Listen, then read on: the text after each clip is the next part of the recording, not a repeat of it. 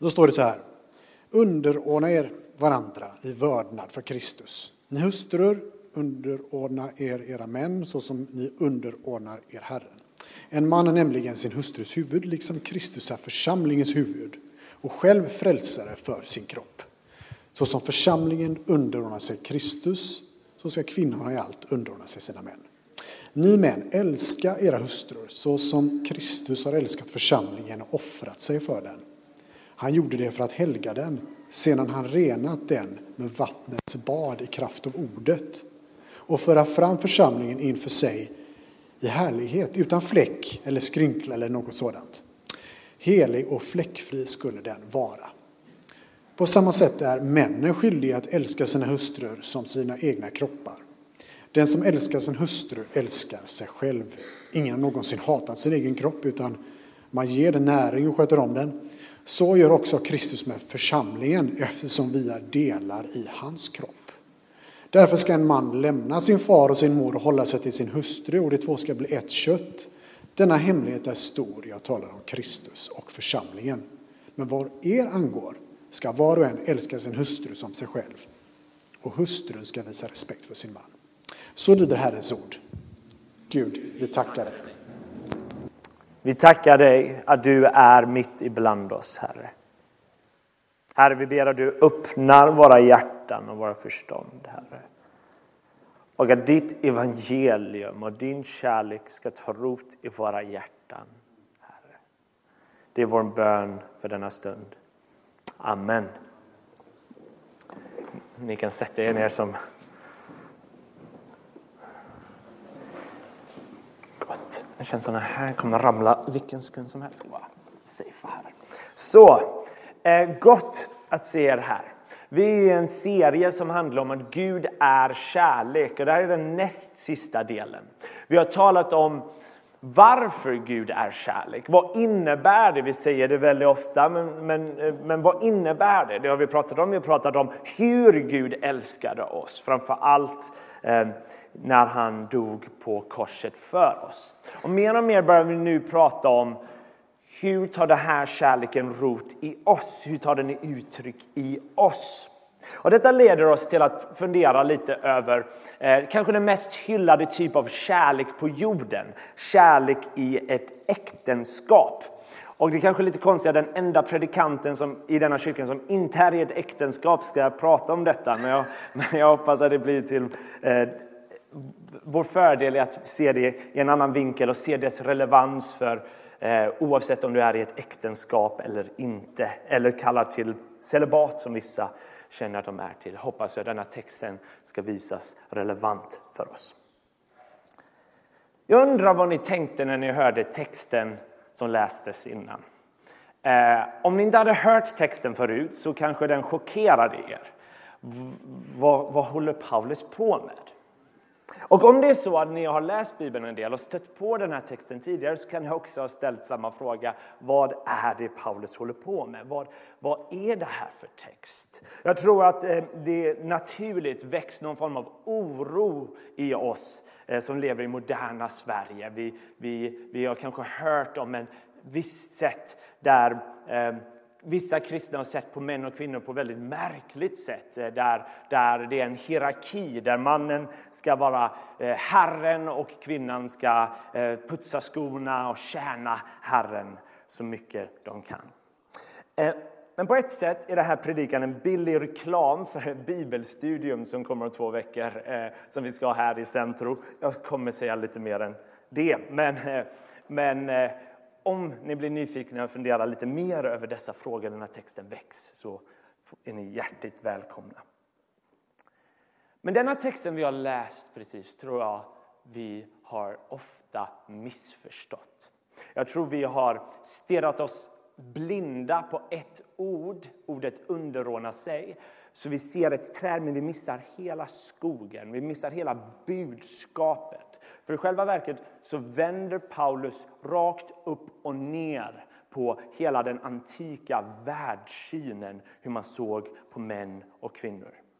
För i det grekiska samhället som de i församlingen var uppväxta med så var det en tydlig eh, hierarki mellan män och kvinnor. Män var herren, härskaren.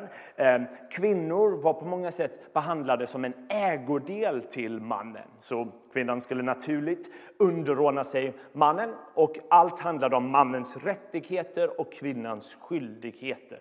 Eh, så ehm, mannen kunde gå till hur många prostituerade som helst och eh, leva livet medan kvinnornas jobb var att vara hemma och vara trofasta.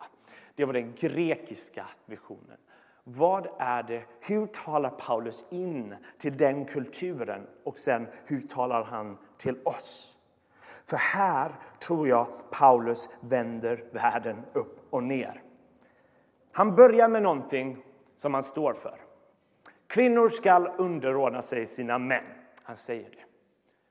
Men, och ett väldigt viktigt men. Jag tror vi missar någonting viktigt ofta i denna texten. Jag tror vi missar att Paulus egentligen försöker bjuda in männen till att underordna sig kvinnorna.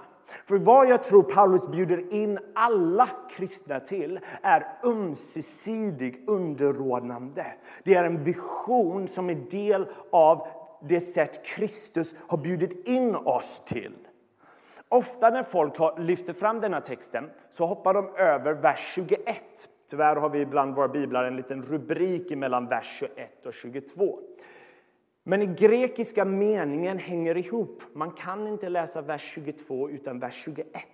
Och Paulus börjar med att säga underordna er varandra i vördnad för Kristus. Och ordet för varandra betyder ömsesidighet. Det indikerar inte att en part ska underordna sig en annan part medan den andra inte gör det tillbaka. Det betyder att båda ska underordna sig varandra. Och sen gör Paulus ett retoriskt, genialiskt eh, drag här när han skriver till församlingen i Efesos. För han börjar med att säga någonting han vet att han kommer få många amen för. Han börjar säga ni hustrur, underordna era män så som ni underordnar er Herren. Och alla män i Efesos sa amen. Säg något nytt liksom. Det här är det vi vet om. Men sen så vänder Paulus världen upp och ner med vers 25. Det här är sprängstoff i den här kulturen. Han säger någonting som inga andra antika författare sa. Ni män Älska era hustrur så som Kristus har älskat församlingen och offrat sig för den. Vad, är, vad betyder det att underordna sig om det inte är att tjäna självuppoffrande en annan part? Jag tog eh, tiden en gång och slog upp det grekiska originalordet för ordet underordna. Och det fick betydelsen frivillig uppoffrande i kärlek. Och det tycks för mig det är exakt detta Paulus uppmanar männen till att göra. Det verkar som för mig Paulus säger så här. Ni kvinnor, ja, ni ska underordna era män. Men ni män, ni tror inte ni ska göra det tillbaka. Men jag ska välja starkare ord för att verkligen få det att tränga in era hjärtan och era förstånd. Ni ska bli era hustrus tjänare. Ni ska säga upp era rättigheter som samhället har gett er för att Kristus sa upp sina rättigheter. Kristus blev en tjänares gestalt. Ni ska bli er hustrus tjänare. Kristus korsfäste sina rättigheter. Gå och gör detsamma. Du kan inte behandla din hustru som en ägodel när du tillhör Kristus Jesus. Jesus har visat oss ett annat sätt att vara människa. Och att säga upp sina rättigheter är inte bara en uppmanan män för i Bibeln, det är en uppmanan till varenda kristen att bli tjänare till andra. Detta tas i speciellt, eh, i, uttryck på ett speciellt sätt i äktenskapet. Men det är en uppmanan till alla kristna, för det är att följa Kristus. Det är det mönster som Jesus själv har visat oss. Så det här är inte en så här uppmanan att kvinnor ska underordna sig män och män ska bara älska sina kvinnor. Kvinnor ska också älska sina män. Och männen ska också underordna sig sina kvinnor. Därför är det här en text som handlar om hur evangeliet tar rot i vardagslivet. Det här är inte allmänna äktenskapsråd. Det här är en text som utmanar dagens samhälle. För jag tror att dagens samhälle har tvärt, totala tvärtom-tänket. Det är att man ska vara sin egna herre och härska. Medan Paulus bjuder in en till ett annat sätt att vara, där man tjänar. Det går emot den moderna visionen av vad kärlek är. Det tycks för mig att den moderna visionen som målas upp i filmer och musik eh, så handlar allt enbart om känslor och att man ska vara sann till sig själv. Och ibland kan sådana saker vara bra, men det stora problemet med den moderna visionen av kärlek är att den är självisk och inte självuppoffrande. Den handlar ofta om att eh, tillfredsställa sina egna behov, endast. Man ska alltid följa sitt hjärta. Det hyllar vi, men det, det, det, det är recept till katastrof. Så kan en man som har varit gift i många, många år och har massa barn resonera när han lämnar sin hustru och sin familj för sin sekreterare för att jag måste följa mitt hjärta. Det, mina vänner, är inte kärlek. Det är egoism. Det handlar om att uppfylla bara sina egna behov. Men Kristus visade ett annat sätt att vara. Där man såg till sin andres bäste. Där han själv uppoffrade allt. Och det är det här Paulus bjuder in oss till. Att följa det mönster som Jesus visat oss. I Markus 10 säger Jesus så här. Nej, den som vill vara störst bland er ska vara de andras tjänare.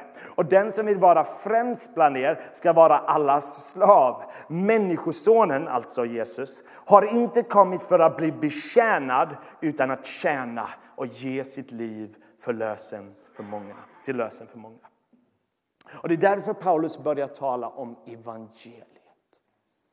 Det här livet som Paulus talar om kan bara komma från människor som har drabbats av det här budskapet. Folk som har sett att Jesus har visat en kärlek som inte är av denna världen.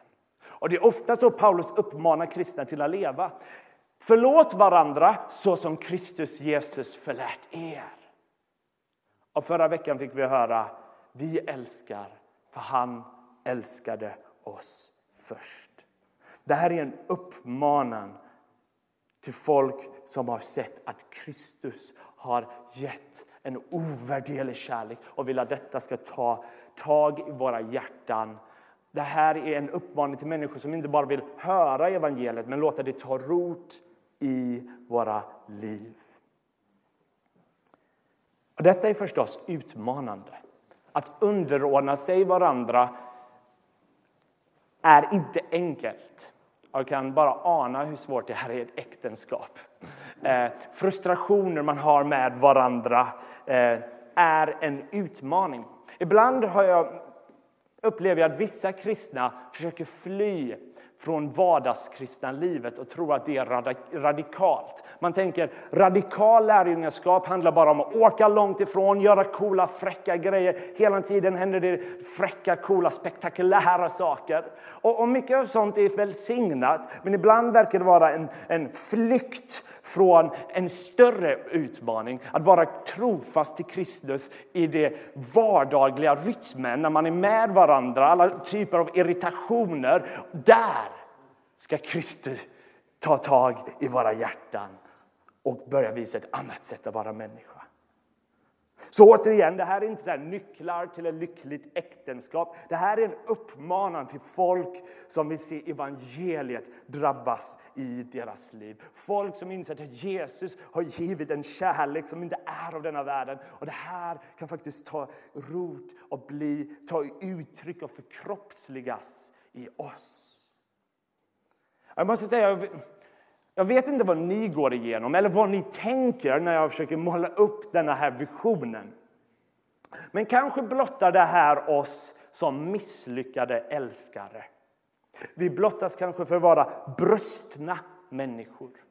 Och det är rätt uppenbart i just tiden vi lever nu att världen lever i en brusten sexuell värld. Vi ser eh, metoo-kampanjen som bara visar hemska saker som sker över hela världen. Någonting är korrupt, någonting är fel. Men här bjuds vi in till att blicka till den perfekta älskaren som har älskat oss med en annan typ av kärlek. Jesus Kristus. För i de sista verserna som lästes innan gjorde Paulus någonting märkligt. Jag vet inte om ni tänkte på det. För i vers 31 och 32 så börjar Paulus citera Första Mosebok kapitel 2. Därför ska en man lämna sin far och sin mor och hålla sig till sin hustru och de två ska bli ett. Och efter det så säger han det oväntade. Denna hemlighet är stor. Jag talar om Kristus och församlingen. Paulus säger så här, den här texten ni är vana med, som handlar om äktenskap, den pekar egentligen på något större, något ljuvligare, den ekar en större berättelse. Äktenskap är egentligen tänkt att be, peka på en större, ljuvligare verklighet. Guds enorma kärlek till sitt folk. Ända sedan Gamla testamentet beskrivs Guds kärlek som en kärlek som är passionerad, dynamisk. I Jesaja 62 kan man säga, som när en ung man äktar en flicka så skall han som bygger upp dig ta dig till äkta. Och som brudgummen gläds åt sin brud så skall din Gud glädjas över dig. Och om och om igen när sitt folk är otroget så är Gud trofast. För det här med äktenskap, när det är som bäst, som vackrast, är egentligen ett eko av någonting större. Det berättar egentligen en större berättelse. Alla sagor vi har läst om en, en kung som har besegrat eh, en drake för att rädda sin brud handlar egentligen om en större verklighet som får sin fullbordan i personen Jesus Kristus som har kommit att rädda sitt folk. Så ibland kan Bibeln använda metaforen att Guds kärlek är som en, en, en, en kärlek som en far eller mor har till sitt barn. Men ibland kan det beskrivas som en mans passionerade kärlek till sin hustru. Så Bibeln kan chockartat, på ett sätt som jag tror är lite obekvämt för oss i väst, tala om att all sexualitet till och med pekar på denna större verkligheten och får fullbordan i Jesu Kristi återkomst. Bibeln kan skäms inte, även om vi skäms kanske för det, för att använda sexuella metaforer bara för att uttrycka den kärlek Gud har. Och vad det lär oss är att oavsett om vi lever i äktenskap, om vi inte gör det, om vi, vi känner vi kallar det till celibat, så inväntar vi alla älskarens älskare, den största älskaren av dem alla. När allting ska fullbordas, allting ska återupprättas vid Jesus återkomst. Och hans återkomst beskrivs som dagen då den stora bröllopsfesten sätts igång. Det är en dag av glädje.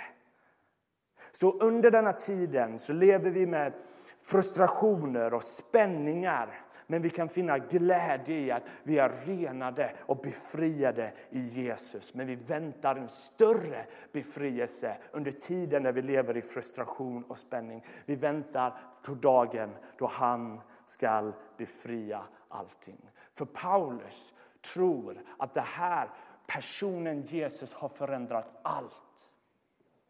Människan var skapt till att leva i harmoni med varandra. Berättelsen om Adam och Eva en berättelse hur mannen och kvinnan skulle leva tillsammans, härska tillsammans, representera Gud tillsammans. Men det är synden som börjar bygga barriärer mellan män och kvinnor. Det blir en, en kamp om makt. Och sen börjar det bli barriärer mellan raser och barriärer mellan olika sociala status. Men Paulus är övertygad att Jesu ankomst har förändrat allting. En ny skapelse har börjat träda in i människors hjärtan. Syndens kedjor börjar brytas. Så mer och mer börjar folk inte kunna, kan inte folk acceptera dessa barriärer. För Jesus accepterar inte dessa barriärer. Och därför, som Paulus säger i Galaterbrevet 3.28, så finns det varken jud eller grek, slav eller fri, man eller kvinna. Alla är vi ett i Jesus Kristus. Och det är det här som berättelsen om äktenskap ekar på ett väldigt bröstet sätt. För alla mänskliga äktenskap misslyckas att reflektera detta.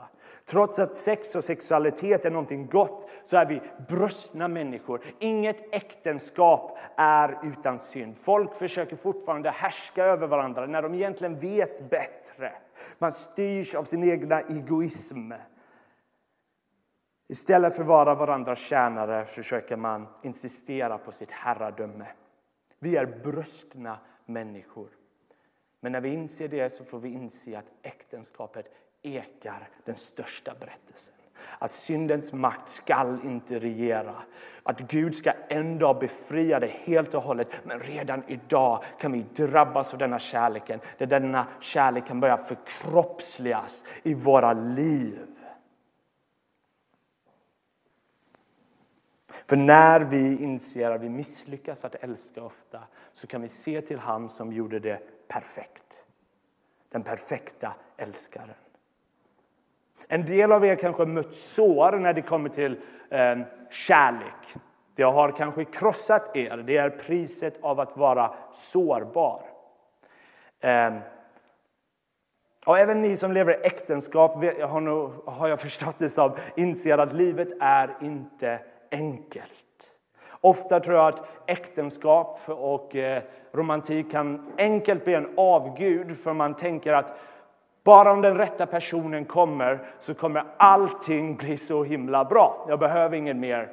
Eh, bara om jag gifter mig med denna person eller hur än det blir. Men då lägger vi en overklig förväntan på den här andra personen. Men det visar på att vi letar efter något större. Vi letar efter den perfekta kärleken. Vi letar efter en kärlek som är konstant, inte ostadig. En kärlek som är pålitlig och inte byggd på massa villkor. En kärlek som är sann och inte hycklande. Och när vi inser att det finner vi i Jesus Kristus så kan vi finna glädje. Och då kan vi komma till äktenskap med sunda eh, perspektiv där vi vill bli varandras tjänare och leva för den andres person. Det finns bara en, en kärlek som är osjälvisk och det är den gudomliga kärlek som Jesus har. Och den börjar mer och mer smittas i oss. Så vi kan inte låta bli att älska när vi ser till honom.